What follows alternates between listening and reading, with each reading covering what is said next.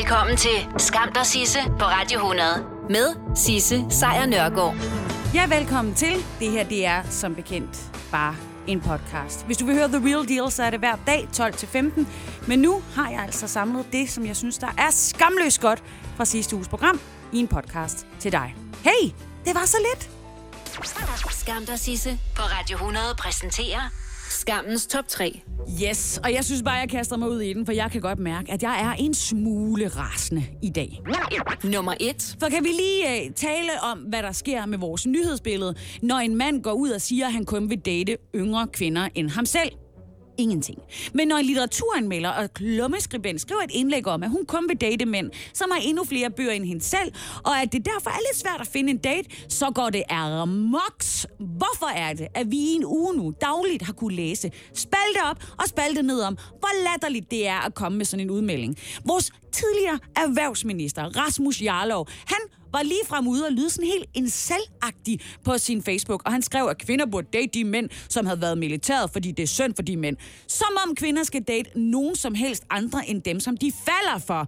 Og så den måde, man taler om klummeskribenten på. Nedladende, degraderende, håndligt, men viser billeder af hendes fortid, og det skal så i aviser, i radioen, på tv, og Gud hjælpe mig tilbage til aviserne igen. Hvad sker der? Kvinder må selv bestemme, hvilke benspænd de lægger for deres kærlighedsliv. Vi har gjort det i århundreder. Og når en kvinde så siger, at hun har nogle præferencer, præferencer, som du måske ikke lige lever op til, fordi du ikke har læst noget siden 7. klasse, så siger hun ikke dermed, at du er en idiot. Bare en, hun ikke vil date. Og vi har altså en seriøs krise i Danmark PT. Men det vi bruger tid på, det er, hvem en klummeskribent bør date fuck mig, det er bare stramt. Nummer 2. Og ved du, hvad der også er stramt? En hel weekend på pizza, pandekager og popcorn. Ja, alene med min datter, og jeg er blomstret op. Men ikke på den måde, som du regner med. Jeg er nemlig blomstret op i ansigtet, som en teenager før sin første menstruation. Et stort aknekrater. Nå ja, jeg kan heller ikke knap mine bukser. Nummer 3. Men hvorfor skulle jeg knap mine bukser? Fordi det kunne jo være, at jeg bare skulle drukne mine sover i letbenede kalorier. For her i fredags, der blev det offentliggjort, hvem der er nomineret til diverse priser inden for radioverdenen. Og ved du hvad? Jeg har ikke nomineret til noget som freaking helst. Og det er politik, og det er elendigt, og det kan simpelthen ikke passe. Og jeg er så mega træt af, at licenskanalerne kan hive nomineringerne ind, men så også ude på de kommercielle kanaler, at ikke kan få en lille pisset nominering for et ellers blændende godt radioprogram. For det handler jo ikke om mig, vel? Det er jo ikke, det er jo ikke fordi, de ikke kan lide mig, vel? Eller er det? Er det simpelthen noget? Er det noget, jeg har gjort? Eller er det fordi, jeg har gjort for lidt? Jeg for, altså, ej, det kan. Det må være politik. Sisse på Radio 100 præsenterer Det fangede du ikke over frokosten. Nej, og det er der jo ikke nogen, der forventer, at du skal gøre. Til gengæld så forventer jeg hver dag, at Cecilie hun har styr på, hvad det er, at vi skal vide. Ja, og det har jeg. Det vidste jeg, du ville sige. Yes! Præcis. Og jeg tænker, at vi starter med de her pulsure og sundhedsapps, fordi dem er der efterhånden rigtig mange, der ejer. Og det er, jo, det er jo fint nok, at man kan følge med i Der, ens... de er jo allerede i telefonen, ikke? Der er jo det, Jo, der hedder sundhed, og hvis Lige man har de der præcis. Google Watches og sådan ja, noget. ja, og du kan tjekke din nattesøvn og alt muligt. Ja. Og det er jo fint, at man kan følge med i sin sundhed på den måde, men det gør faktisk også, at man bliver lidt urolig, fordi så kan det være, at uh, ens puls er måske ikke lige, som den skal være, eller jeg sov fire timer i stedet for otte, eller et eller andet. Og Ja. ja. det gør, at man øh, tager til lægen meget mere ofte, også selvom at man er rask. Og det kan egentlig tage tiden for de patienter, som har brug for lægehjælp. Alright, så man ja. Har så mange dinge noter, at man ja. Bliver urolig, hvis der er, hvis der er udsving. Får en form for sygdomsangst. Altså, jeg kunne i hvert fald mærke, jeg fik lov til at prøve sådan et uh, Google Watch for ja. Et par uger siden, og jeg kunne mærke, at det bliver sådan en konkurrence med mig selv om, mm. fordi man kan, man kan sætte den til, at man skal sådan opnå øh, sine daglige ting, ikke? Ja. Så jeg skulle nå nogle skridt, og jeg skulle nå at cykle så så meget, og sådan noget. Og jeg kan blive ja. Vildt stresset. Ja. Så jeg, det, det, jeg stod inden sengetid og gik rundt Det inde i stuen for at få de sidste Det er skridt jo med, en ikke? sindssyg stressfaktor, ja. Det og nu forårsager det simpelthen også, at øh, flere tager til lægen, uden det er nødvendigt. Så Det skal de rådet stoppe fra øh, lægen, det er altså, man skal lige mærke efter. Ikke altid stole på den der teknik, men mærk efter. Mærk din puls, mærk, har jeg brug for at gå et par- flere skridt, eller skal jeg lige tage en slapper på Ja, sofaen? ja. Ja. Mærk efter. Mærk efter. Yes. Ja. Den næste nyhed, jeg har med, det er sådan en lige ved at næsten nyhed. Fordi inderne, de har jo været i gang med, som den fjerde nation i verden, at prøve at lande på månen. Ja, Men det har det vi er- været i gang med siden 60'erne. Ja, Og nu var det lige ved at lykkes for Ja. dem, og lige inden at det her landingsfartøj Vikram lander på månen, så mister de kontakten Ja, med det var sådan noget med, at det var 1,1 eller andet kilometer inden, så, så ryger Ja. kontakten. Få sekunder. Kæmpe det, bomber. Det er frygteligt. Ja, øh, og det øh, tager premierministeren ikke så tungt. Fordi øh, han siger, at vi er godt på vej, og han er fortrøstningsfuld, og at alt skal nok gå. Vi, vi tager den igen. Ja. Vi forsøger. Og, og det var jo faktisk heller ikke... Altså nu, nu fokuserer vi måske meget på det der med, at de har mistet kontakten til den, Mhm. og det er ikke muligt, at de nogensinde får noget information ud af den igen. Men hele det der... Øh, fart, øh, kredsløbsmaskineri, de havde lavet inden, har Ja. jo sendt vildt mange informationer ned til, Ja. til inderne, som man ellers ikke ville have fået. Så på Nej. den måde er det jo faktisk en succes. Ja. Og det er, ja, det er sejt gået. Ja, Det kæmpe jeg. tillykke til inderne. Kæmpe tillykke. Ja, det var godt klart. Ja. Øh, noget, øh, en anden, der ikke er helt lige så fortrøstningsfuld, det er Sebastian Klein. Som Hvem er det nu, han er? Jamen, han er naturformidler, og så har han været med i diverse øh, tv-programmer. Okay. Børneprogrammer. Yes, jeg husker Jesper ham, Kleins søn, så vidt jeg husker, ikke? Ja, lige præcis. Jeg husker ham som Dr. Pjuskebusk, som er ude og gætte en lort. Yes, all Yes. right. Ja, jeg er med. Han er altså ude at sige, at øh, vores danske skove er i en sørgelig forfatning. Og det er altså fordi, at de enten er menneskeskabte, eller så har vi mennesker været inde og forårsage alt muligt, så, så naturen ikke har fået fred og ro. Og øh, jeg har et lille klip med, hvor han siger, hvad vi skal gøre for at beholde naturen, som den er. Det, der er fantastisk ved Klinteskoven, det er, den er vild. Den har fået lov til at passe sig selv. Og det er jo det, som naturen kan, når vi lader den være. Og sådan, så den giver levesteder. Og i virkeligheden, naturen er jo meget bedre til at lave natur, end mennesker er. Så vi skal simpelthen lade skoven være. Ja. Vi må skal, ikke bruge den. Nej, vi skal ikke ind og fjerne døde træer. Vi skal ikke øh, fælde for mange træer og buske og krat og så videre. Ja. Vi skal bare lade den være. Det, Gå en tur i den, nyd den, som den er. nyd den, som den er. Ellers må, man, må man godt gå en tur inden, tror du? Ja, det tror jeg godt. Det tror du godt. Ja, ja. Alright. Jamen, perfekt. Jamen, øh, endnu en god grund til at blive indenfor Ja, i øh, efterårsferien, tænker jeg. ja. Jeg vil ikke, øh, jeg vil ikke ødelægge øh, Se- Sebastian Kleins skov. Nej, Det vil jeg lad os lade dem være. dårlig som vidtighed over. Drik en kop te i stedet. Drikke en kop, kop te og gå en tur i parken, Ja. måske, ikke? Nå, Ja. men tak for, øh, for nyhedsopdateringerne. Selv tak. Det var øh, spændende. Det var godt. som altid. Og så øh, stort knæk og bræk til, til inderne med næste mission, som jeg kunne forstå Ja. kommer til at være inden for en 4-5 år. Så er de klar igen. Okay, så vi skal ikke bruge lige så lang tid den her gang. Ej, men de har også mange mere til at arbejde på sådan noget, ikke? der er det- så mange mennesker. Præcis, det skal de nok ordne. Klimaforandringerne, de tager jo fart. Det ved vi jo godt, at de gør. Og der, hvor det går hurtigst pt., det er jo Arktis. Vi ved det godt, men vi ved jo ikke, hvor stærkt det går. Hvert fald ikke med sikkerhed. Og vi ved ikke, hvor det sådan for alvor er blevet uopretteligt. Og vi ved heller ikke, hvad der er på vej. Altså, hvad er der i de her gletsjer? Hvilken slags is er det, der smelter? Hvordan påvirker det her smeltevand havvandet? Øh, og vi kan jo ikke se, hvad resultaterne af en række iskerneboringer, øh, hvad de vil komme med, fordi de er aldrig blevet lavet. For Arktis er et meget ufremkommeligt område. Og øh, det er altså især ishavet, der ligger nord for Grønland, som er bare en stor barriere af is. Det kan godt være, at det smelter, men det er stadigvæk en barriere. Og derfor så er det ret småt med klimaforskning i netop det her område, til trods for, at det er så uendelig vigtigt. Men vi kunne have haft forskning på det område lige nu, hvis altså ikke det havde været for vores udenrigsministerium. Det er en uh, historie, politikken skriver i, uh, i dag. Det er Greenland Circumnavigation Expedition GLACE, der er blevet øh, stoppet. Det skulle altså have været den første videnskabelige ekspedition hele vejen rundt om Grønland. Øh, og de ville altså også gerne kunne komme igennem det her ufremkommelige ishav. Og de skulle altså have, have søgt om øh, at få mulighed for at studere det her område, hvor forskningen jo altså har været sparsom, men som er meget vigtigt at få. Altså få den her forskning for at kunne forstå, hvad det er, vi står overfor. Men den her ekspedition med 45 forskere fra 15 forskellige forskningsprojekter, den har aldrig fået lov til at komme afsted til Grønsand, øh, til Grønsand, som I kender. Grønsand, ikke sandt? Grønland. Ekspeditionen her, den var arrangeret og finansieret af det svejsiske Polarinstitut, øh, som havde allieret sig med to russiske skibe til at gennemføre den her tur. Og den ene af den, de her russiske skibe var sådan en atomisbryder, som er i stand til at bryde igennem flere øh, meter tykke islag i, øh, i havet nord for Grønland, og det andet var bare et stort russisk skib. Grønlands Naturinstitut, øh, de stod faktisk for to af de deltagende øh, projekter øh, ombord på det her, de her skibe. Og øh, det krævede to godkendelser at få den her ekspedition afsted. Den ene var fra de grønlandske myndigheder.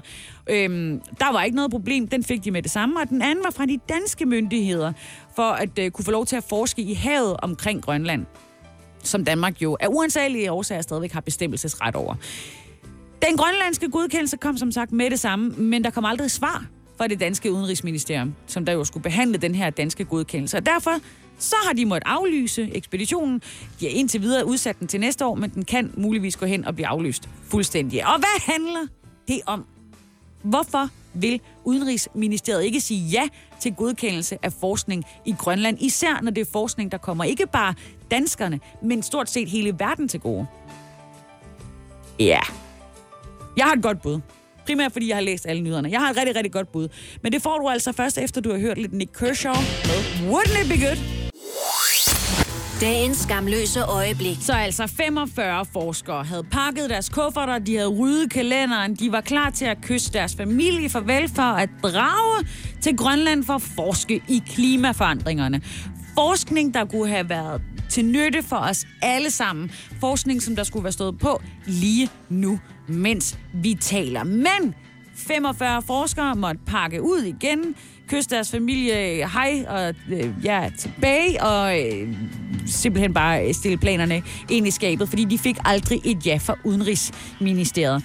Og nu er håbet så for de her deltagere i øh, ekspeditionen, som øh, bliver kaldt GLACE, at øh, de kan komme afsted næste år. Fordi det er jo i Grønland, som det er med Himalaya. Der er kun et, et lille vindue for, at man kan få lov til at bestige Mount Everest, og der er kun et lille vindue for, at man, man kan få lov til at komme nord for Grønland, fordi der er så meget is. Og det lille vindue, det er i august og september, altså nu.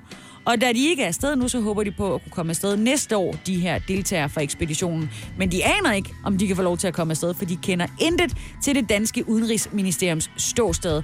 Så de aner ikke, om de kan få en godkendelse til lige præcis at lave den her forskning næste år. Politikken, som altså kører den her historie i dag, de har prøvet at få et svar fra Udenrigsministeriet, men de vil ikke kommentere på sagen. Og det er altså ikke fordi, de ikke ved, hvad det er, at der skal forskes i, eller de ikke ved, hvad, hvad der skulle ske. Fordi allerede for over et år siden, så fik Udenrigsministeriet og det grønlandske selvstyre en meget nøgtern beskrivelse af planerne for den her ekspedition. Men de har stadigvæk ikke svaret. Og det har altså også fået de her forskere til at spekulere i, hvad kan det være? Fordi der er altså nogle af de her forskere, der mistænker, at det, at de bruger russiske skibe for at kunne, øh, kunne transportere sig rundt om Grønland, kan have en indflydelse på de her, øh, det her svar, der mangler fra Udenrigsministeriet. Det skulle være en atomisbryder, som der skulle komme, øh, få dem til at kunne få dem frem, og så skulle det være et stort russisk skib ved siden af. Og der kan måske være noget om sagen.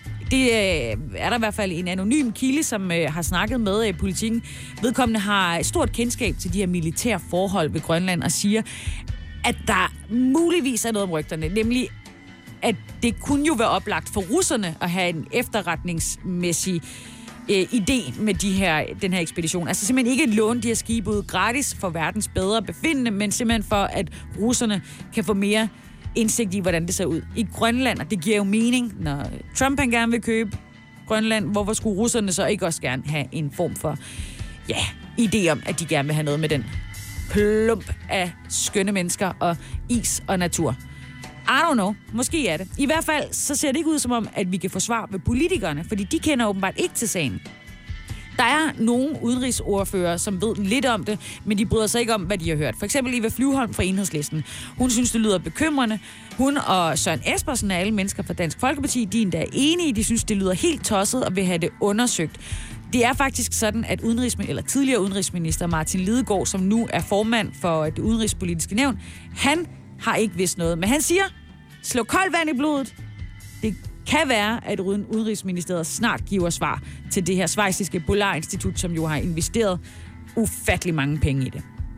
Ellers så kan det jo være, at russerne bare gør det alligevel. Skam dig, Sisse, på Radio 100 præsenterer dagens skamløse øjeblik. Mens du holdt weekend, så holdt de valg i Rusland. 16 regioner i Rusland har været øh, i gang med det, der hedder lokalvalg, og det var, som mange af os måske tænker om det russiske valg, øh, aparte. Det var det. Der har i hvert fald været rigtig mange øh, beskyldninger om fusk, og der har været demonstrationer i øh, Moskva, hvor bare 20 procent af de stemmeberettigede vælgere besluttede sig for, at de rent faktisk ville stemme. Men om de har stemt, eller de ikke har stemt, så er alle stemmer efterhånden talt op. Og øh, præsident Vladimir Putins parti, det forenede Rusland, eller forenede Rusland, har opnået i Moskva 23 mandater, og oppositionen har opnået 22. Det er ret vildt. Fordi øh, indtil i går, der havde oppositionen syv mandater i Moskva. Syv. Så det er ret flot klaret. Og det betyder altså også, at det er en markant tilbagegang for, øh, for Putins forenede Rusland, og som måske også øh, er en tilbagegang, der er lidt større, end man egentlig havde regnet med. Udover valget i Moskva, så har du selvfølgelig også været i de andre regioner. Og øh, der skulle vælgerne altså vælge øh, en øh, guvernør. Og der kan man sige, der har Forenet Rusland altså erklæret sejr i stort set samtlige af regionerne efter i øh, valget her i, øh, i weekenden. Men selvom de beholder de her guvernørposter, som de har, så er de gået mærkbart tilbage. Oppositionen er kraftig øh, på, på fremgang, også ude i, øh, i de øh, mindre regioner, som ikke nødvendigvis emmer af Moskva. Ifølge DR, så vil oppositionen så kunne bruge det her til at få mere øh, vind i, øh, i sejlene, simpelthen. Og øh, ja, muligvis få lov til at få indført lidt mere demokrati. Det kunne jo være. Selvom øh, lokalvalgene er blevet afholdt over hele landet, så er det faktisk nok mest det i Moskva, Moskva som vi har kommet, øh, kommenteret på i løbet af den her weekend. Det er nemlig der, hvor øh, der har været demonstrationer, og der har været rigtig mange øh, beskyldninger om snyd øh, simpelthen rettet mod valgmyndighederne. Søndag der kunne man se flere videoer på de sociale medier, som viser, hvordan øh, vælgere sådan helt åbenlyst propper mange flere stemmesedler i stemmeboksen, end de rent faktisk er berettiget til. Øh, blandt andet har en, øh, en profil fra en Twitter-profil fra Radio Free Europe delt en video, hvor man ser en mand stå og tale i telefon, mens han bare propper stemmesedler ned i en, øh, en stemmeboks. Og han skulle vel og mærke kun kunne lægge én stemmeseddel i. Og de seneste par måneder har der også været protester både i den russiske hovedstad, men også øh, flere steder i landet, hvor demonstranter har været utilfredse med, at deres øh, oppositionskandidater ikke har fået lov til at stille op til valget i øh, blandt andet Moskva. Øhm, der er for eksempel rigtig mange af, af politikerne fra oppositionen, som er blevet anholdt hen over sommeren, og flere af deres sympatisører har så været på, på barrikaderne, både her i weekenden, men også før for at demonstrere. Og det har altså betydet, at rigtig mange er blevet anholdt en øh, journalist, en fotograf, aktivister. Forskellige frivillige blev anholdt her i, øh, i weekenden. Og blandt de øh, anholdte, der var, der var også øh, Maria Aljokina. Hun er fra øh, aktivist punkgruppen Pussy Riot. Og hun blev altså anholdt, fordi hun var iklædt en t-shirt med navne på nogle af de personer, som altså øh, er blevet øh, ja, øh, anholdt og er blevet sat i fængsel hen over sommeren, som ellers havde tænkt sig at stille op til valget. Så det var hvad kan man kalde det? Et klassisk russisk valg med et uh, twist af, at oppositionen rent faktisk vinder frem. Og der kan man jo ikke andet end at spekulere på, om der har været amerikansk indblanding i det valg. Skam dig, Sisse, på Radio 100 præsenterer Skamløse fornøjelser. Kæmpe skamløs fornøjelse at få lov til at øh, afslutte dagens udsendelse med et mysterium af det helt store. Altså et gigamysterium, som udspiller sig 22 meter under havoverfladen ved den nordtyske by Kiel. Det er et mysterium, hvor de tyske myndigheder lige nu er på fuldstændig bar havbund om man vil. Det er nemlig en stor, dyr forskningsstation, som øh, vel at mærke var placeret de her 22 meter under havoverfladen, som er forsvundet. Forsvundet fra sin plads. Der er tale om den tyske undervandsforskningsstation Vognis Eck Observatoriet, som har bare, du ved, kostet 270.000 øh, euro, bedre kendt som over 2 millioner kroner, og den er altså forsvundet fra sin plads under havoverfladen i et område, hvor der ikke må sejles. Den her sag, den tager sin begyndelse den 21. august kl. 20.15, fordi der stopper signalerne fra observatoriet. Og det fik altså nogle øh, tyske myndigheder, de tyske myndigheder til at sætte nogle dykker på sagen. Fordi hvorfor forsvandt kontakten med forskningsstationen, som der jo er en forskningsstation, der har givet forskere værdifulde informationer om Østersøen? Hvorfor forsvinder det? Det ved det ikke! Ah! Dykkerne de smuttede ned under havets overflade, og der fandt de et stort overrevet fiberkabel, som altså engang var forbundet med Bognis Ek observatoriet. Og hvad der gør sagen endnu mere mystisk, det er, at den altså, det observatorium har ligget i et område af den tyske Østersø, som er forbudt at færdes i. Der er ingen fiskere, der er ingen lystsejlere, der er ingen skibe, containerskibe eller noget som helst. De er ikke velkomne der. Men da Bugnis Æg-observatoriet vejer mere end 300 kilo, så betyder det, at man ikke tænker, at der pludselig er kommet en voldsom storm eller en kæmpe øh, øh skulle jeg til at sige, en kæmpe blæksprut eller noget af den dyr, fordi de vil simpelthen ikke have kræfter til det. Det er en eller flere personer, der står bag det her. Men hvordan? Det har myndighederne ikke den fjerneste idé om. Og endnu vigtigere, hvorfor? De aner det ikke. Det er mega mega creepy. Og det er også især lidt creepy, fordi de forskere, der benytter den her øh, data, der kommer ud, de beskriver dataen som uvurderlig. Og de har så bare ikke lige sagt, hvad det er for en slags data. De har ikke fortalt os, hvad det er, de så og, og, og søger på nede i, øh, i farvandet ud for, for Kiel. Men de har altså været øh, nede og observere vandet i det her område, som har været ulovligt at færdes i siden 2016. Og de siger, jamen altså, det er sådan noget med havtemperatur, saltindhold, strømme og havvandens indhold. Men hvis der er nogen, der rent faktisk er taget ud for at fjerne en 300 kilo tung observatoriums gesims 22 meter under vandet i et farvand, hvor man ikke må færdes, så kunne det godt være, at vi skulle ringe til... I don't know, skal vi ringe til russerne igen på, øh, på den her? Jeg ved det ikke. Men hvis du altså bliver øh, tilbudt en øh, forskningsstation på den blå avis til langt under udbudsprisen, som altså PT er på 270.000 euro, så synes jeg, du skulle ringe til politiet. Skam dig, Sisse, på Radio 100 præsenterer Skammens top 3. Nærmere bestemt bare mig selv. Og det er jo noget, jeg gør hver evig eneste dag. Jeg kigger på alle de ting, som jeg kunne gå rundt og bære en form for skam over, for så at overtage fortællingen. Være min egen fortæller, tage narrativet i mine hænder og vurdere, hvad der er op og ned i mit liv. Og den måde, jeg gør det på, det er ved hver evig eneste dag at lave min skammens top 3. Og du er mit vidne. Og sådan må det være. Nummer 1. Og jeg har det lidt som om, er vi en del af en farse, når jeg åbner op for nyhedsstrømmen på en, øh, en dag, hvor Boris Johnson han har tabt kontrollen med det parlament, som han i øvrigt selv har suspenderet, at Venstre nu får kampvalg om næstformandsposten, og, øh, og hvor det første reelle valgløfte for Socialdemokratiet, det er blevet sådan rimelig godt forvansket, og øh, at det regner, og det kommer til at regne mere, end det gør på en måned, der skal det stadigvæk, stadigvæk handle om, hvem Berlingskes litteraturanmelder og klummeskribent må date. Jamen jeg mener, har vi virkelig ikke andet for? Nummer 2. Og jeg, jeg har faktisk andre ting. Det har jeg. Jeg har andre ting for. Jeg gav for eksempel i går et uh, interview til et blad. Og det betyder jo så, at jeg de sidste 12 timer nu har gået rundt om mig selv og tænkt, at jeg har dummet mig eklatant. At jeg lyder som en forkælet idiot. At jeg skider på mit moralske bagland. At jeg formulerer mig enormt dårligt, og at jeg generelt bare er en kæmpe bluffer. Og at jeg absolut intet har at have i, og jeg er en fiasko. Og det her, det sker hver evig eneste gang, jeg laver et interview. Og måske, så skulle jeg bare sige nej til at lave interview, for jeg er tydeligvis ikke voksen nok til at ture stå ved mit voksenliv.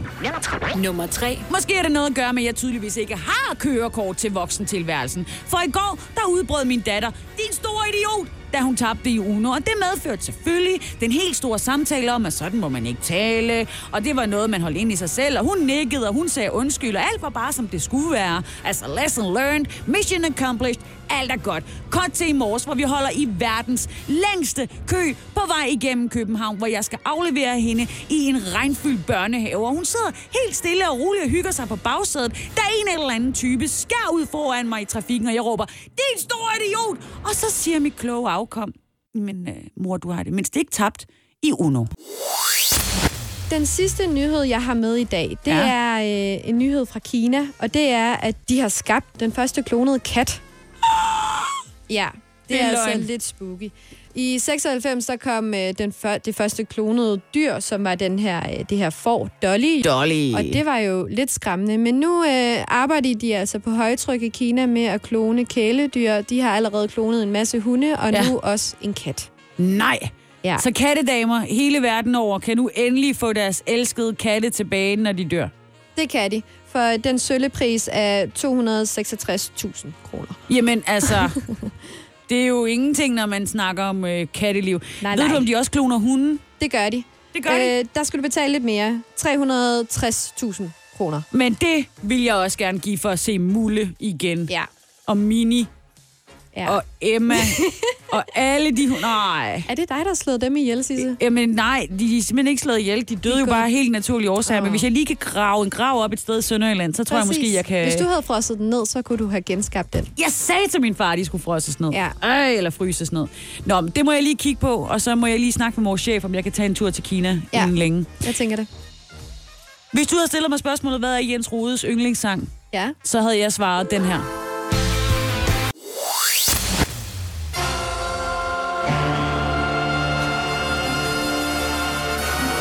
Så skal vi tilbage til Venstre, for hvad sker der i Venstre?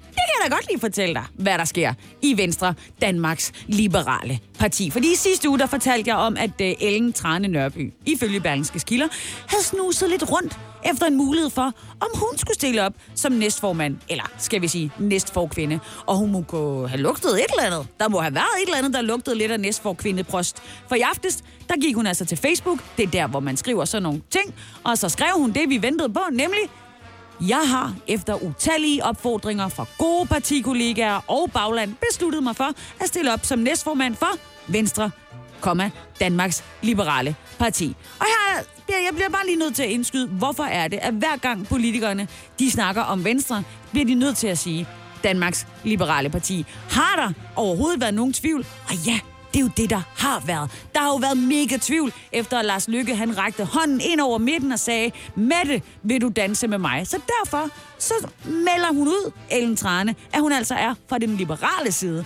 af partiet. Hvilket andre jo selvfølgelig også er. Og det betyder, at der nu er kampvalg om næst for kvinde posten, som det jo sådan set må blive i og med, at den anden kandidat også er kvinde, og det er jo så bekendt Inger Støjberg. Janne Jørgensen fra Venstre, han bakker Ellen Trane op, og han siger, at det er altså ikke for at nedgøre Inger Støjberg, at Ellen Trane hun dukker op. Han synes, at Inger Støjberg har været en dygtig ordfører og minister, men han mener i øvrigt, at Ellen Altså, Ellen Trane er en bredere, facetteret politiker, og hun ligger tættere på den politiske linje, som Jakob Ellemann Jensen, som jo nok kommer hen og være formand, og ham selv, Janne Jørgensen, de kommer til at stå for. Og hvad mener han så med det? Jamen, lad os kigge lidt på Ellen Trane og hendes karriere. Hun har været politisk medarbejder for Venstre i mange år, og så blev hun folketingsmedlem. Hun er valgt i Sønderjyllands Amtskreds, altså det gule segment. Derudover så har hun været politisk ordfører for Venstre i tre år. Hun har været minister for børn, undervisning og ligestilling for Venstre. Derudover har hun været sundhedsminister for Venstre. Hun har været børne- og undervisningsordfører for Venstre, og derudover også skatteordfører for Venstre, Danmarks Liberale Parti. De første venstrefolk har allerede meldt sig på banen som dem, der bakker op om Ellen Trane, og det er jo foruden Janne Jørgensen også Asger Christensen. Der er også øh, et par fra baglandet helt tilbage i Sønderjylland, øh, Philip Tjetje, og der er Leif Kraup, og så videre, og så videre, og så videre. Men det er stadigvæk ikke helt lige så tunge poster som dem, der støtter Støjbær, som jo for eksempel er Jakob Ellemann Jensen, Carsten Lauritsen, Sofie Løde, Mar- Markus Knudt, Carsten Kismeier, Erling Bonnesen, Preben Bang, Henriksen. Men det var jo også i øvrigt, før de vidste, at Ellen Trane stillede op.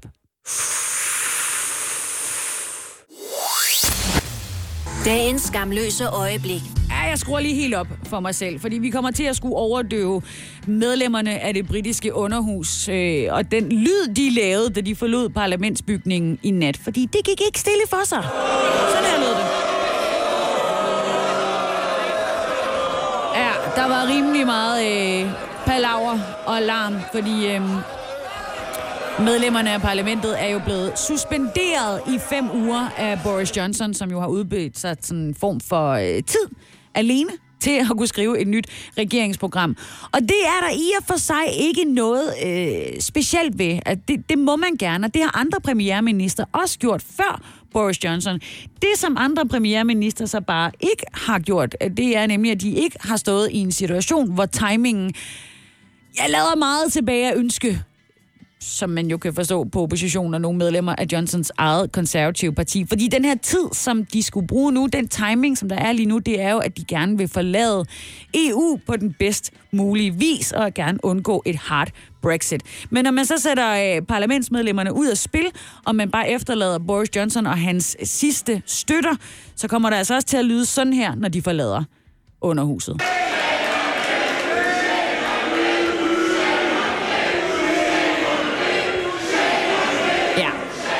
Der står Shame on you. Og på mange af de sæder, som de efterlod i underhuset, der var der sat skilte op, hvor der stod Silenced.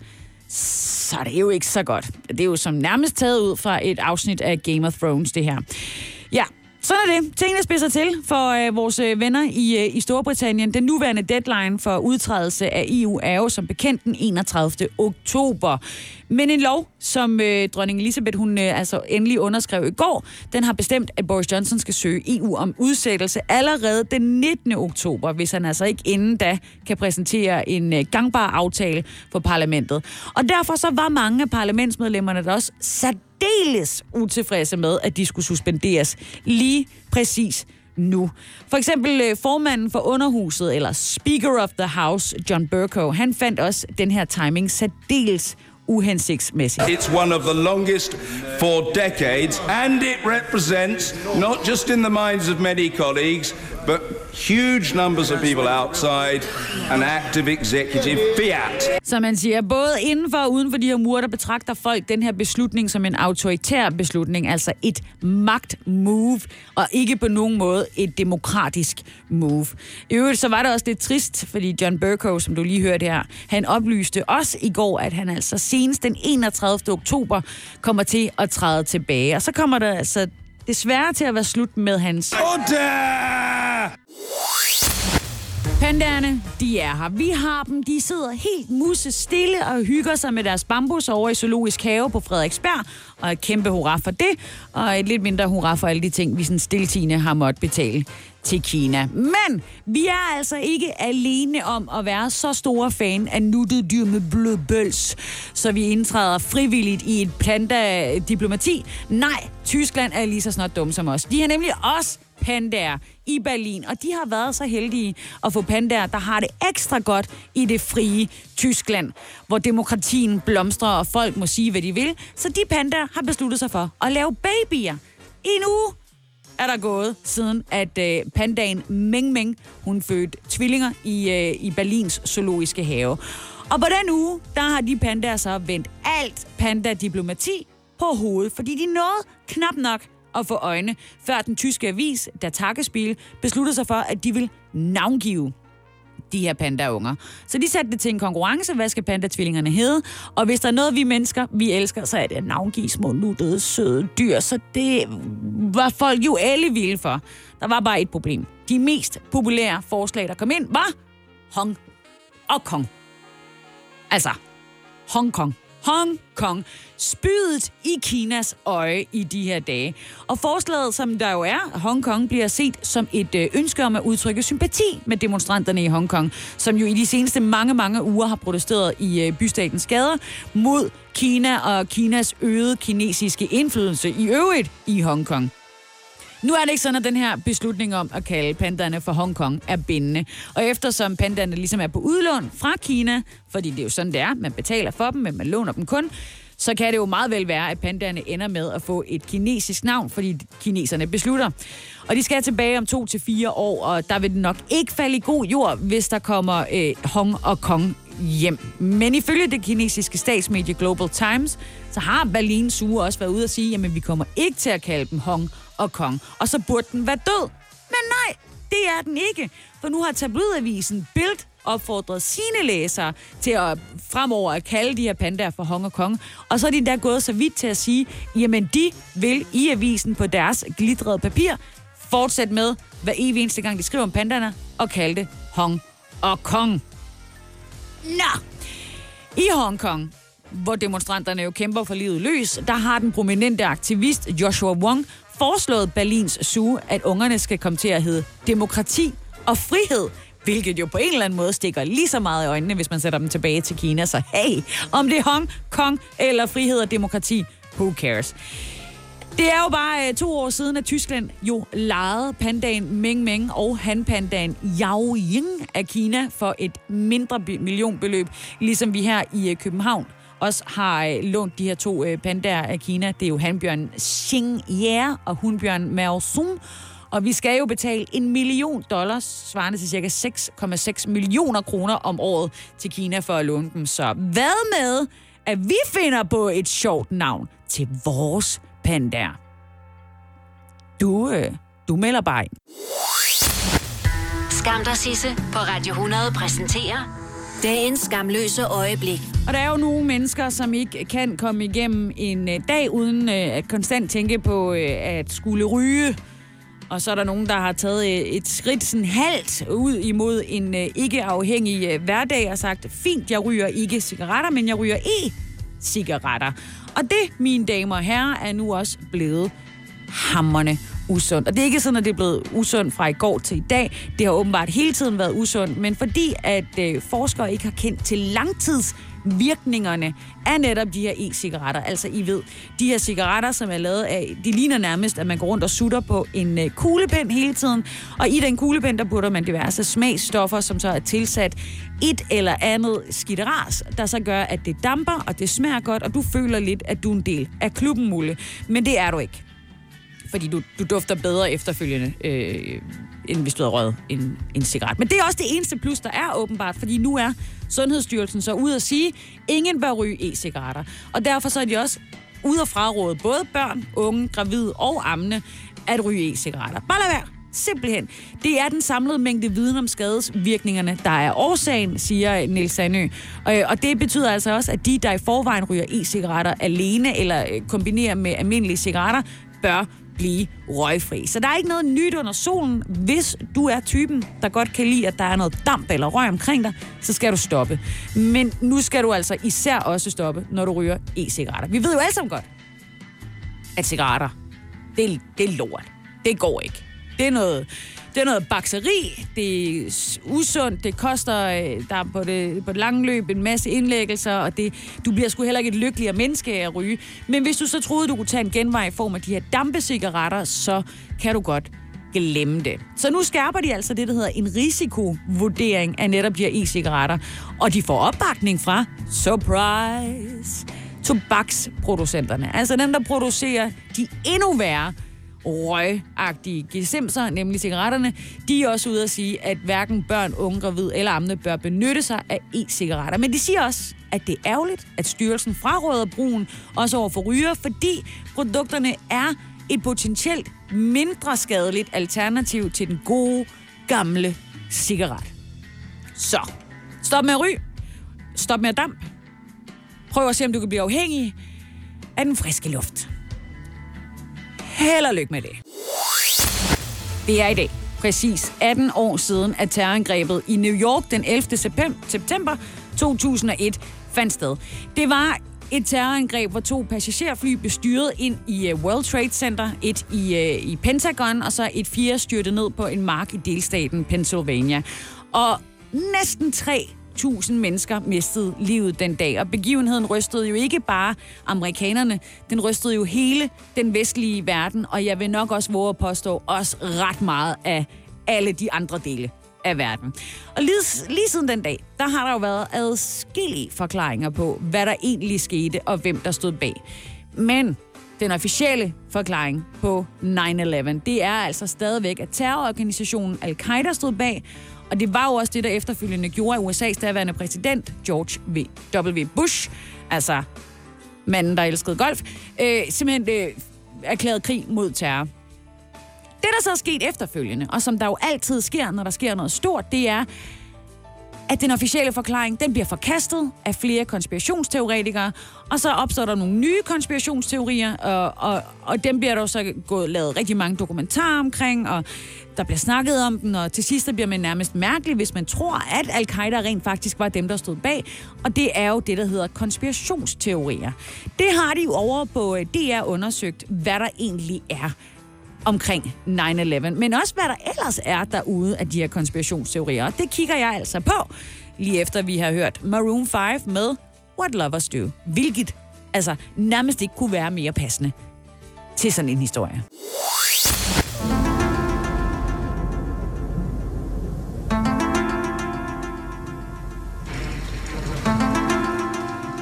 Ja. Så skal vi til det. Det er jo den 11. september i dag, og dermed 18 år siden, at vi vidnede, hvordan den verden, vi kendte den, den styrtede i grus, nærmere bestemt World Trade Centeret. Øh, begge tårne forsvandt, Pentagon blev smadret, og øh, en, et, endnu et fly røg ned på en mark i øh, Pennsylvania. Og det har jo fået rigtig mange mennesker derude til at... Øh, ikke tro på den officielle forklaring på, hvad der var årsag til det her terrorangreb. Og det er altså det, der hedder konspirationsteoretikere, som faktisk er så overbeviste om, at deres teorier de holder stik, at det, de siger, er sandheden, at de er begyndt at kalde sig selv for truthers. Altså sandhedsfortællere. Og det kan man jo godt lige måske kigge lidt på, hvad det så er, de går rundt og konspirerer omkring, fordi der er rigtig mange gode ting at kigge på. For eksempel er der mange, der tror på, at holocaust ikke fandt sted. Der er flere konspirationsteorier, der simpelthen benægter, at Nazi-Tyskland havde den her systematiske jødeudryddelse. Og de her teorier baserer sig blandt andet på, at der ikke blev slået 6 millioner øh, jøder ihjel, og at der ikke blev anvendt gaskammer til drabene, og sågar, at Hitler ikke ville udrydde jøderne, og slet ikke kendte til drabene. Det er en konspirationsteori. En anden er, prinsesse Diana. Hun blev jo slået ihjel den 31. august 1997 i et trafikuheld, som var forårsaget af, at hun blev jagtet gennem Paris af nogle paparazzi fotografer. Men øh, det er ikke det, der er sandheden ifølge de her truthers. Nej, der blev prinsesse Diana altså slået ihjel af kongehuset.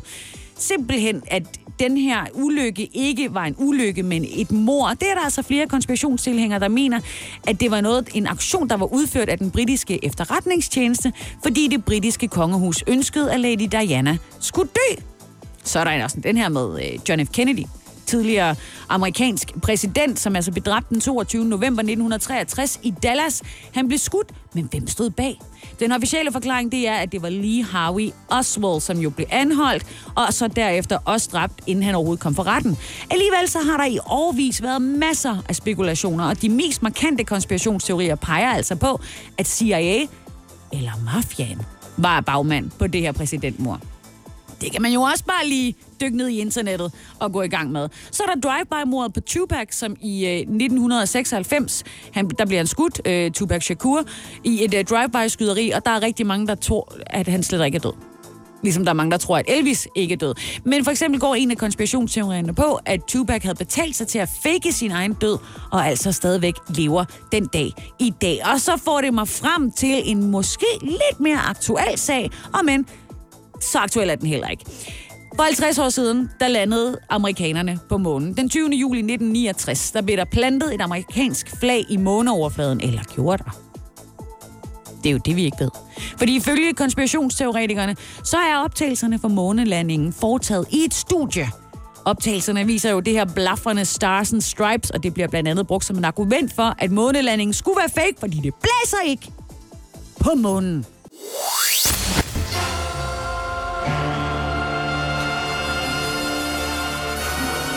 Ja, to skønne damer, de står til at skulle gå i kampvalg om at overtage næst for kvindeposten i Venstre, Danmarks Liberale Parti. Og hvad er det så for to politikere, vi står overfor? Jo, det skal jeg da prøve at give dig det bedste bud på. Der var en gang, hvor man talte om højskolevenstre og handelsskolevenstre. Altså de højpandede, og jeg skulle til at kalde dem de lavpandede, det er det ikke, men dem, der tjener pengene. Og i de seneste år, hvor øh, udlændinge og værdipolitikken har været en af de vigtigste politikområder overhovedet i Venstre, og man har kunne se, hvordan den har delt partiet i to, der er der altså nu, at man snakker mere om den klassisk liberale venstre, og så har man det mere nationalkonservative venstre. Og hvor ligger vores kandidater så henne?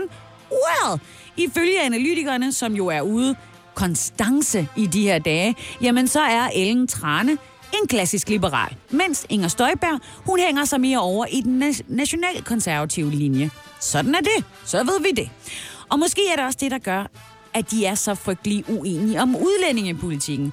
Inger Støjberg, hende kender vi jo. Hun er kendt som fortaler for en stram udlændingepolitik. Og for at kunne sætte sindene i kog med sine udtalelser, hun har fået diverse politikere efter sig for grund af nogle fortolkninger af lovene, som måske ikke var, som de skulle være. Og så det her med, at hun fejrer øh, asylstramninger med kage og har Mohammed-tegningerne på sin baggrund på sin iPad. Alle de her ting, det har sat sindene i kog. Der er Ellen Trane Nørby et eksempel på den anden fløj i partiet. Vi kan jo sætte op med for eksempel burkaforbuddet, hvor øh, Inger Støjberg vil have det gennemført er med det samme. Mens Ellen Trane Nørby jo som en mere ja, liberal, klassisk liberal, i udgangspunktet var skeptisk og mente, det bør folk nok selv bestemme.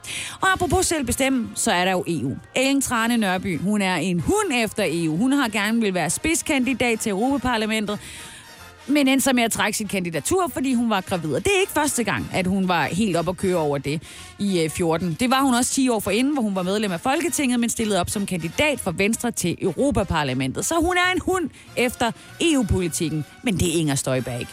Faktisk er det ikke noget, Inger hun har beskæftiget sig ret meget med. Hun er det, der hedder EU-skeptisk. Og så kommer vi jo til det vigtigste, nemlig personligheden. Jakob Ellemann Jensen, som jo indtil videre er den eneste kandidat til formandsposten, han har sagt om Inger Støjberg, hun er et stærkt bud som næstfor kvinde, fordi de to sammen kunne fagne bredt, a.k.a. hun er helt forskellig fra ham. Hun er nemlig det, som man kan sige er skarptalende. På den anden side så har Bertel Hårder meldt ud, at Ellen Trane får hans stemme, fordi hun i hans øjne er en, der samler, og en, der ikke splitter. Hvem det bliver, det finder vi jo ud af om 10 dage. Det skal altså handle om en, øh, en grotesk, mærkelig regel, som de har sig i Iran, når det handler om fodbold. Det er nemlig sådan, at kvinder ikke må være med på fodboldstadions, når der bliver spillet kampe. Det er en, øh, ja, det kan vi vel hurtigt blive enige om. Fuldstændig åndssvagt. Men øh, nu har en grotesk sag omkring netop det her iranske fodbold taget en, øh, fået en meget tragisk afslutning. Det er en øh, 29-årig kvindelig fodboldfan, som hedder Sahar Kodujai, er jeg ret sikker på. Hun har mistet livet, efter hun øh, som reaktion på en mulig dom for at snige sig ind på et fodboldstadion, besluttede sig for at sætte ild til sig selv. Hun døde på, øh, på hospitalet i, øh, i mandags i, øh, i Teheran, og der har hun i øvrigt ligget i respirator med forbrændinger på det meste af kroppen i lidt over en uge. Og det er altså, fordi hun den 2. september satte ild til sig selv for en retsbygning, efter hun var blevet informeret om, at hun stod til seks måneders fængsel for at have snedet sig ind til en fodboldkamp forklædt som mand. Det er forbudt for kvinder at være til fodboldkampe. Hvilket uh, øh, Sahar, hun altså i marts forsøgte at omgå ved at klæde sig ud som en mand og så snige sig ind på uh, et stadion i øh, uh, Tehran, for, eller i Tehran, for at se uh, favoritholdet spille.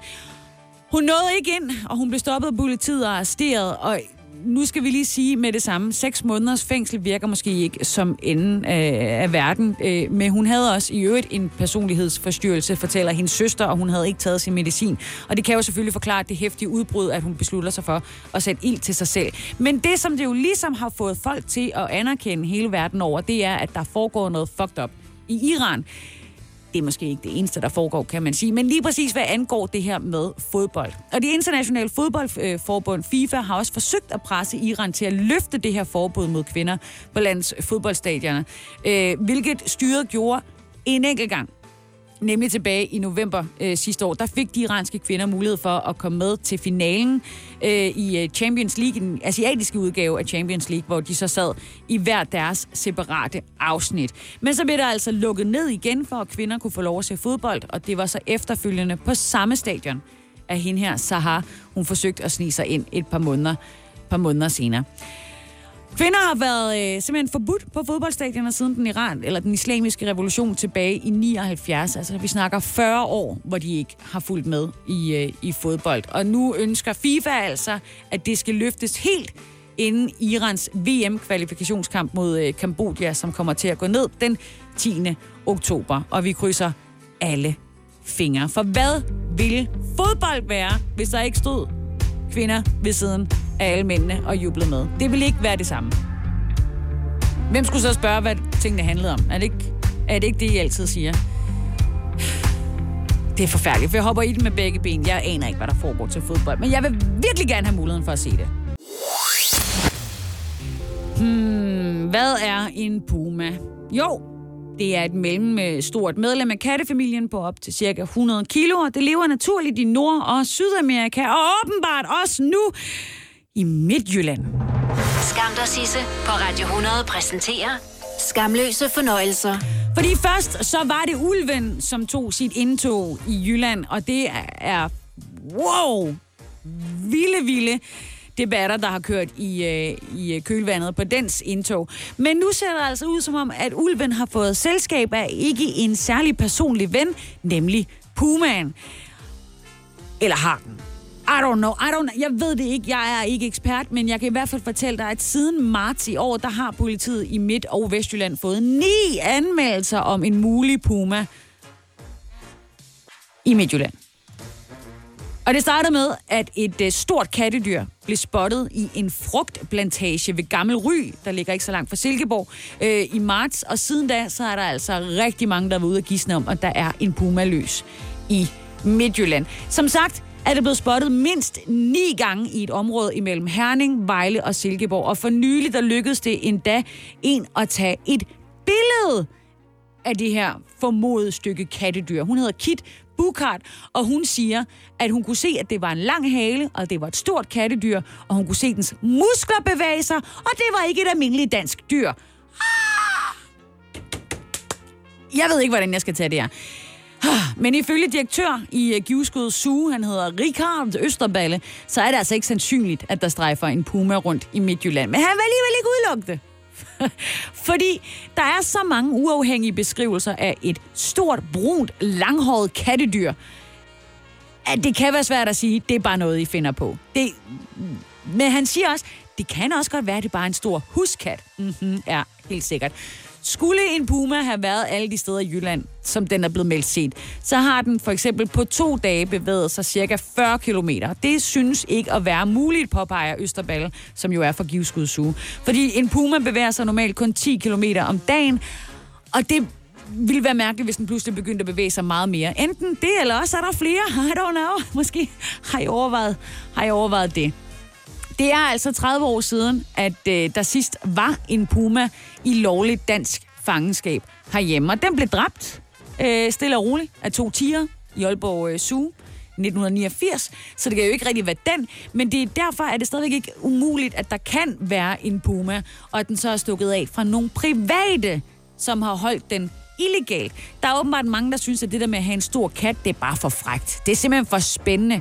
Men når den store kat, altså en 100 kilo stor, menneskeædende i, i værste tilfælde. Kat, den slipper fri, så er det ikke sikkert, at de lige har lyst til at sige til nogen, at by the way, den kat, jeg havde ulovligt, den er forsvundet. Og findes pumaen, så skal den indfanges. Det forklarer alle eksperter. Det sker nemlig det, at hvis det er en stor handpuma, så kan den godt angribe mennesker. De her angreb er meget sjældne, fordi normalt så stikker pumaen af længe før, at mennesker har set den. Men ikke desto mindre skal vi bare lige have i baghovedet, at Kit Bukart var tæt nok på til, at hun kunne tage et billede af den med sin mobiltelefon. Så mine damer og herrer, vi har muligvis en puma løs i Jylland. I sidste uge, der øh, skrev øh, Henrik Sass Larsen, at nu var han på vej tilbage til Christiansborg, og han skulle bruge sin tid på at, og nu citerer jeg, undersøge Socialdemokratiets historie, hvad end det betyder. Skal han skrive en bog?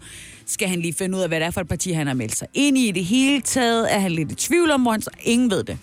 Og ligesom der heller ikke er nogen, der ved, om han så er raskmeldt, eller om han stadigvæk er syg, eller hvad der sker, eller skal han overhovedet deltage i almindelig folketingsarbejde. Det er ikke til at få svar på. Socialdemokratiet, de gider i hvert fald ikke at øh, fortælle, om øh, Henrik Sass Larsen er tilbage som et fuldgyldigt folketingsmedlem, eller i hvilket omfang han egentlig er til stede på Christiansborg. Altså, hvad laver han der, efter at han i juni blev sygemeldt med en øh, depression? Spørgsmålet det er jo kommet igen, efter han jo som sagt i onsdags øh, leverede en, øh, en øh, Facebook-opslag. Det er jo der, man øh, leverer alle sine holdninger. Hvor han altså fortalte, at han er tilbage på Christiansborg, men ikke længere som statsrevisor. Han skrev på sin Facebook-profil øh, blandt andet, jeg har bedt om lov til at koncentrere, mig, øh, koncentrere min arbejdsindsats omkring Socialdemokratiets historiske virke. Et område, som dem, der kender mig vel, ved, altid har haft min store interesse super duper. Og det er faktisk også det, som alle psykologer siger, hvis man er ramt af stress, eller hvis man er ramt af en depression, det er, find noget, der gør dig glad. Og hvis Socialdemokratiets øh, historie gør SAS glad, så er det jo vel, I don't know, er det, så er det måske en form for medicin, vi er ude i her. Men de vil i hvert fald ikke udtale sig mere om det, og han vil især ikke. I et skriftligt svar, som øh, Socialdemokratiets gruppeformand, det er ham, der hedder Flemming Møller Mortensen, har givet, så er, SAS, øh, eller så er han glad for, at Henrik Sass har fået det bedre, og at vi igen nu kan nyde godt af hans virke. Og han bekræfter også, at Henrik Sass Larsen så skal beskæftige sig med Socialdemokratiets historie. I don't know, hvad det betyder så, når de siger, at det er noget, de så kan nyde godt af, eller det kan være, at de alle sammen har glemt, hvad Socialdemokratiets historie er. En hurtig søgning på Wikipedia for eksempel vil ikke give dig sandheden, så man skal ind i historiebøgerne. Igen, han vil heller ikke bekræfte, er SAS raskmeldt? Kommer han til at udføre parlamentarisk arbejde? No one knows. Ingen vil sige, om SAS er syg eller rask. Han er jo også bare en folkevalgt politiker i regeringspartiet. Så no biggie. Eller jo, giga biggie, fordi Henrik Sass Larsen var jo opstillet ved valget i Sjællands Storkreds i Køge. Ved valget, der fik han lige over 4.000 personlige stemmer, og der blev han altså dermed nummer 9 på listen over S-kandidater i den kreds.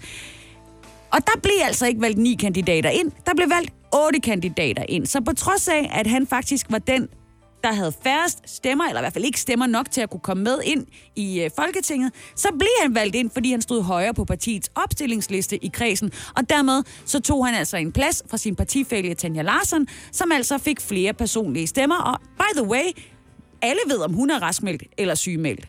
Det er bare at spørge. It's a hard knock Brexit departure. Det ser skidt ud. Britterne, de kan altså komme til at mangle både friske fødevarer, de kan komme til at mangle medicin.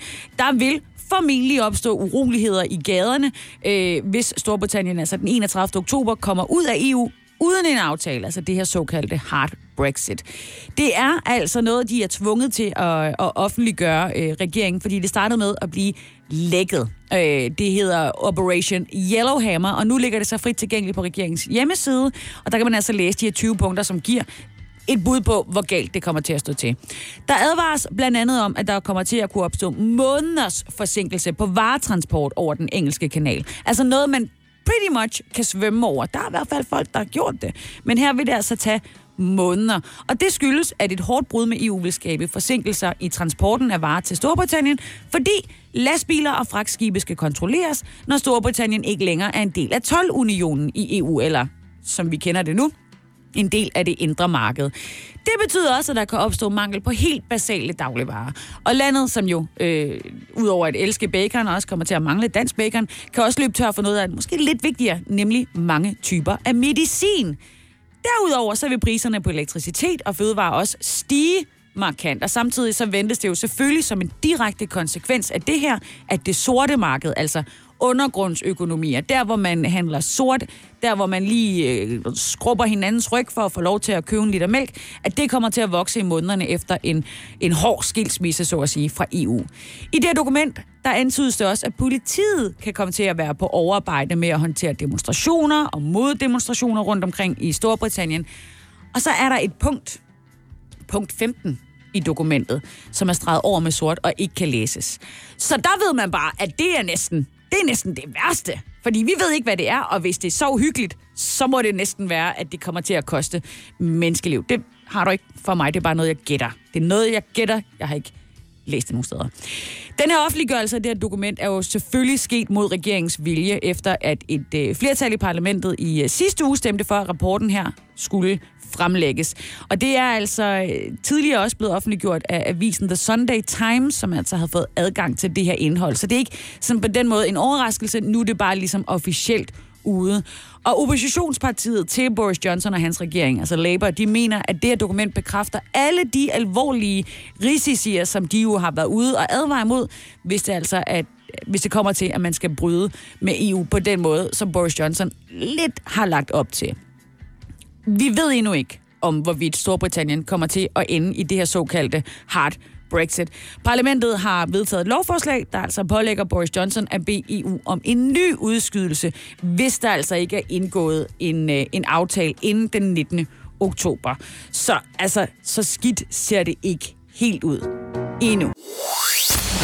Skam dig, Sisse på Radio 100 præsenterer dagens skamløse øjeblik. Ja, som bekendt, sidste år, der døde Kirsten Christensen fra Varde. Mm. Eller det vil sige, sidste år, der blev Kirsten Christensen fra Varde erklæret død på Sydvestjysk sygehus i Esbjerg. Det var super trist. Det var bare ikke rigtigt. For Kirsten Christensen fra Varde var i den grad i live, ligesom hun er den dag i dag. Hun skulle bare lige komme sig over en lungebetændelse på sygehuset, og hun blev udskrevet, og så åbenbart også erklæret død. Au, au, au. Hun opdagede det, da hun kom hjem, og der pludselig kom et væld af breve til hendes øh, familie om, at øh, vi er meget ked af, at Kirsten er død, men det er det her, der skal ske, og vi stopper altså med udbetaling af diverse. Men Kirsten var jo som bekendt i live. Systemet har jo bare øh, noteret noget andet, og så skulle hun jo ligesom i gang med at genopstå i bedste Jesus-stil på alle de her digitale platforme, som vi jo i dag er bundet op i, som var vi en øh, æderkop på jagt. For hvis du ikke lever der, så kan du sådan set lige så godt dø. Den her digitale død, den er øh, virkelig tidskrævende. Især hvis man er i live. Altså virkelig tidskrævende og omstændig. Man skal både øh, genopleve sig selv øh, ved skat og ved ATP, og man skal lige have gang i sin pension igen, hvis man er pensioneret. Og banken skal også lige have et opkald, og så er der jo forsikringsselskaberne, som ikke skal udbetale, og amen, det er noget værre palaver. Desuden så skulle hun jo også lige have bestilt et nyt nem idé, og der var pas, og der var kørekort, og den her tid, den, eller det her, det tager tid. Også selvom man er død, og man burde have altid i verden, så tager det her tid, og det koster penge. Så da Kirsten Christensen ligesom var genoplevet igen, så sagde hun, okay, nu vil jeg gerne bede om en erstatning. Den erstatning skal være på 70.000 kroner. Og sådan, hey, imellem dig og mig, 70.000 kroner for at blive erklæret død, det er ikke mange penge. Det er altså, ikke, ikke i det store billede. Det er det virkelig ikke. Men det mener Region Syddanmark. Og de vil i hvert fald ikke give hende en erstatning. De vil faktisk kun dække de 445 kroner, som hun havde haft i udgifter i forbindelse med at skaffe sig det her nye kørekort og det her nye sygesikringsbevis. Og jeg tænker lige, Kirsten, har du også tjekket, om du har fået et pas? Fordi det koster altså 600 kroner. Det er sådan en anden ting. Det er det jo lidt en joke for den nu genoplevede Kirsten, fordi 445 kroner, som hun altså fik tilkendt, de dækkede jo lige præcis kun omkostningerne ved at blive genoplevet igen. Men okay, penge er penge. 445 kroner, det er da bedre, end at skulle betale det hele selv. Det vurderede også Kirsten Christensen, måske så i sit stille sind. Men så var der bare lige det der problem, at de 445 kroner, de aldrig nogensinde kom. Og nu spørger jeg dig, hånden på hjertet, hvor lang tid tager det at lave en mobile pay overførsel, eller måske overført på 100 kroner via din netbank? 30 sekunder? 45? Måske et minut, hvis du er Excel langsomt. For Region Syddan Danmark, der har det altså indtil videre taget to måneder at overføre de her snollede 445 kroner til en, som de vel og mærke har erkendt død, og som har været død i alle de digitale systemer, og de gider ikke at betale noget som helst. Og kan vi lige tale om, at de nok skylder måske bare lige en runde kokjord og nogle hotdogs til den her genoplevelse. Anywho, Kirsten Christensen, hun har overlevet selveste døden på sygehuset, så jeg vil bare gerne herfra sige øh, velkommen tilbage til livet. Jeg er ked af, hvis din region har skuffet dig. Skam dig, Sisse på Radio 100 præsenterer Skamløse fornøjelser. Det er ikke mere end et par uger siden, at jeg fortalte om her i radioen, at forskere nu var fuldstændig sikre på, at der var en planet B derude. Og ikke bare en planet B, nej, også en planet C, D. I don't know, whatever. Der er millioner af planeter derude, som bare venter på, at vi kommer og ødelægger deres perfekte økosystem, som den cancer, vi mennesker åbenbart er. Og når du kigger op på nattehimlen, så har mange af de stjerner, som du kan se, faktisk følgeskab af deres helt egne planeter. Og de planeter kaldes eksoplaneter, og det er dem, som vi kan overtage. Ja, yeah. Exoplaneterne, de kredser rundt om stjernen, præcis som øh, vores jord kredser om vores sol. Og nu er der altså, ja, for første gang fundet vanddamp i atmosfæren på en lille exoplanet, der faktisk minder om jorden det går stærkt nu. Og det er altså ifølge Lars A. Bukhave, som er professor på det, der hedder DTU Space, første gang, at man har fundet vand på så lille en planet, som rent faktisk ligner vores jord. Så det er hurra for os, der er en fremtid. Exoplaneten, som der er blevet fundet, det kaldes en, en superjord, da den, mindes, øh, den minder sådan ret meget om vores jord. Der er der nogle forskelle. For eksempel så har exoplaneten øh, sandsynligvis en øh, tykkere øh, atmosfære end Jorden. Planeten den er cirka 8 gange så tung som Jorden og cirka dobbelt så stor, hvilket jo bare betyder, at så er der endnu mere at ødelægge for os. Og at man kan rykke endnu længere væk fra dem, man ikke bryder sig om. Så det her er altså ikke bare øh, op, altså starten på en ny æra inden for rumforskning, det er også en ny begyndelse for alle os, der hedder naboer. De her exoplaneter, de er forholdsvis almindelige, men vi ved nærmest ingenting om, hvad de, øh, hvad de små exoplaneter på størrelse med Jorden består af. Og det er jo så det, vi nu skal til at finde ud af, det siger Lars A. Bukhave. Vi skal finde ud af, hvad de består af, hvordan deres overflade er, om der faktisk er betingelser, der kan understøtte liv, altså det liv, vi kender her fra Jorden. Og han forklarer, at vi ikke førhen har undersøgt atmosfæren på en planet, der ligner vores egen øh, jordklode så meget, som det er tilfældet ved exoplaneten her, som der er dybt 18B. eller som jeg har tænkt mig at kalde den fremover, Planet B, for vi ses deroppe. Men altså, vanddamp på en lille, jordlignende planet er ikke nok til, at vi kan finde liv. Øh, I hvert fald ikke det liv, vi kender fra jorden. Heller ikke, selvom eksoplaneten er i den såkaldte beboelige zone. Og en beboelig zone, det er, når øh, vandtemperaturen er sådan, at vand er, er flydende på, temp- øh, på øh, planeten. Det betyder, at temperaturen er ligesom hos os. Så er vandet flydende. Kan være lidt koldere, kan være lidt varmere, men deromkring, ikke? Og vand er jo sådan set bare et enkelt krav for liv. Der er jo rigtig mange andre ting, som vi ligesom også skal have styr på, inden vi rykker teltplanene op og flytter afsted til K218b, a.k.a. Planet B. Øh, ilt er jo bare en af tingene. Øh, så, og Starbucks, og, og, og er der mulighed for at dyrke vin, skal vi også finde ud af. Skal vi også helt sikkert have styr på, om der er kakaobønder øh, til sted. Jeg flytter ingen steder, medmindre at der er kakaobønder. Sådan er det. Skam dig, Sisse, på Radio 100. Med Sisse Sejr Nørgaard.